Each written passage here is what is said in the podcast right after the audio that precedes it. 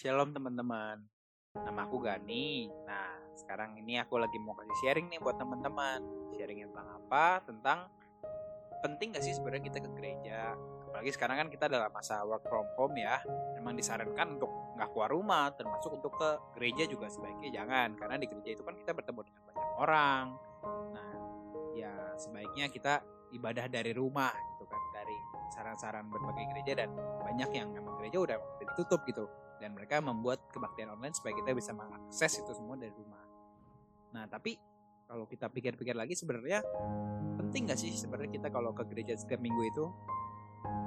Nah, ini sekitar minggu lalu aku sempat ngobrol-ngobrol hal ini nih dengan dengan teman aku.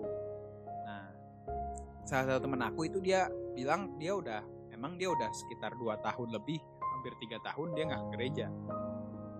Nah, dia bilang tapi biarpun dia nggak ke gereja dia tetap bertumbuh gitu dalam Tuhan. Emang dia bilang awalnya dia kayak uh, mulai mulai agak jauh karena dia nggak ke gereja tapi dia emang uh, dia stop ke gereja karena dia punya pemikiran bahwa di gereja itu sekarang banyak yang uh, gerejanya khotbah itu bukan untuk mengingatkan kita akan Tuhan tapi banyak yang udah emang udah mulai miring-miring sana sini dan bahkan banyak yang juga udah nggak berani menegur para jemaat-jemaatnya gitu untuk mana yang benar mana yang tidak.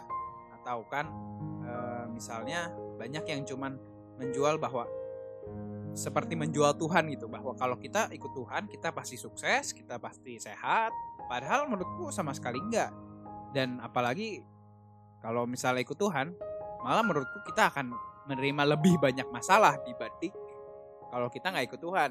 Contoh misalnya kita uh, kalau coba kita misalnya nggak ikut Tuhan kita nggak apa, kita bisa ya kayak seperti nggak ada aturannya gitu. Kita bisa bebas mau ngapain juga ya terserah gitu. Karena emang nggak ada apa ya kita kita sekarang punya punya seba, seperti pagar yang dikasih sama Tuhan yang dia udah karena dia emang udah menebus dosa kita dan dia itu udah sangat baik kepada kita dan kita harus berbuat baik juga untuk dia.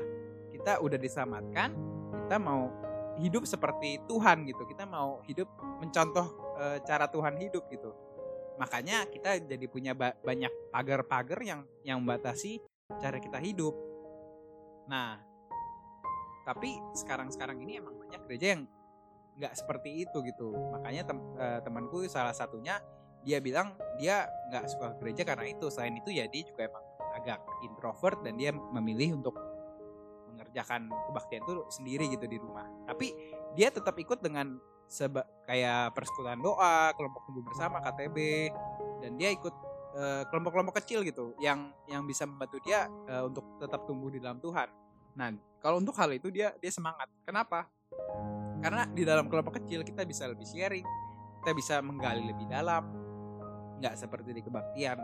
Yaitu menurut dia. Tapi menurutku dua-duanya sama pentingnya. Karena kita tumbuh di dalam kelompok kecil itu penting menurut aku. Karena kita bisa uh, saling berbagi kita bisa saling bertumbuh dan kita bisa punya teman untuk uh, cerita masalah kita di komunitas yang benar gitu. Bukan bukan di komunitas yang kayak kalau di luar sana misalnya kita kalau misalnya teman-teman ada yang sering clubbing kalau kita sharing ke teman-teman kita yang sering clubbing juga ya dia pasti kasih saran ya minum dulu lah.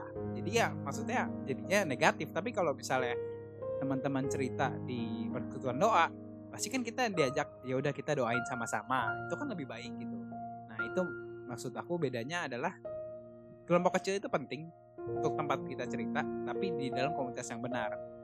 Seperti ya komunitas dalam gereja gitu. Nah eh, selain itu tapi menurut aku kebaktian juga penting. Kenapa? Karena kebaktian itu eh, kebaktian itu salah satu reminder kita setiap minggu untuk kita datang kepada Tuhan pada hari Minggu itu. Dan kita bisa ketemu banyak teman-teman kita yang yang kita nggak tahu juga. Mungkin kita bisa memberikan berkat bagi mereka atau mungkin kita bisa mendapat berkat dari mereka. Atau mungkin uh, kita mendengarkan pendeta itu khotbah tapi ya memang mungkin nggak nggak selalu kita mendapatkan sesuatu tapi mungkin e, suatu saat kita bisa diberkati atau apa ya itu menurutku penting juga. Dan apalagi uh, pelayanan juga menurut aku penting. Itu karena salah satu uh, bagian kita supaya kita bisa memberikan sesuatu kepada Tuhan. Ya memang pelayanan bukan cuma di gereja pelayanan itu adalah hidup kita kan. Bisa di tempat kita bekerja atau di mana pun. Tapi menurut aku pelayanan itu penting.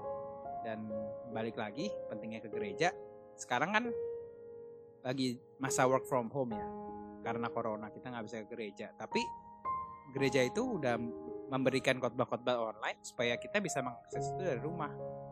Jadi menurut aku ya itu bisa kita pakai bisa kita dengarkan untuk menambah pengetahuan kita supaya kita bisa mengenal Tuhan lebih dekat lagi. Selain itu kalau misalnya sebenarnya kalau kita nggak gereja seperti teman-temanku yang tadi aku ceritakan itu dia benar-benar selain dia ikut KTB dia benar-benar membaca Alkitab dia ada yang namanya kita bisa kayak workbook itu kita belajar lebih dalam tentang Tuhan.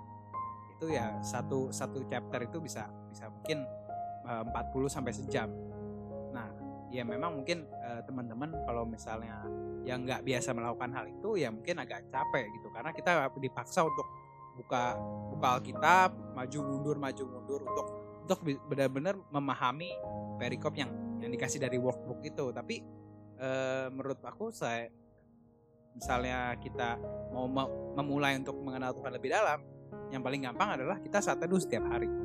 Saat teduh itu sekarang bisa kita bisa melakukan itu dalam 10 menit.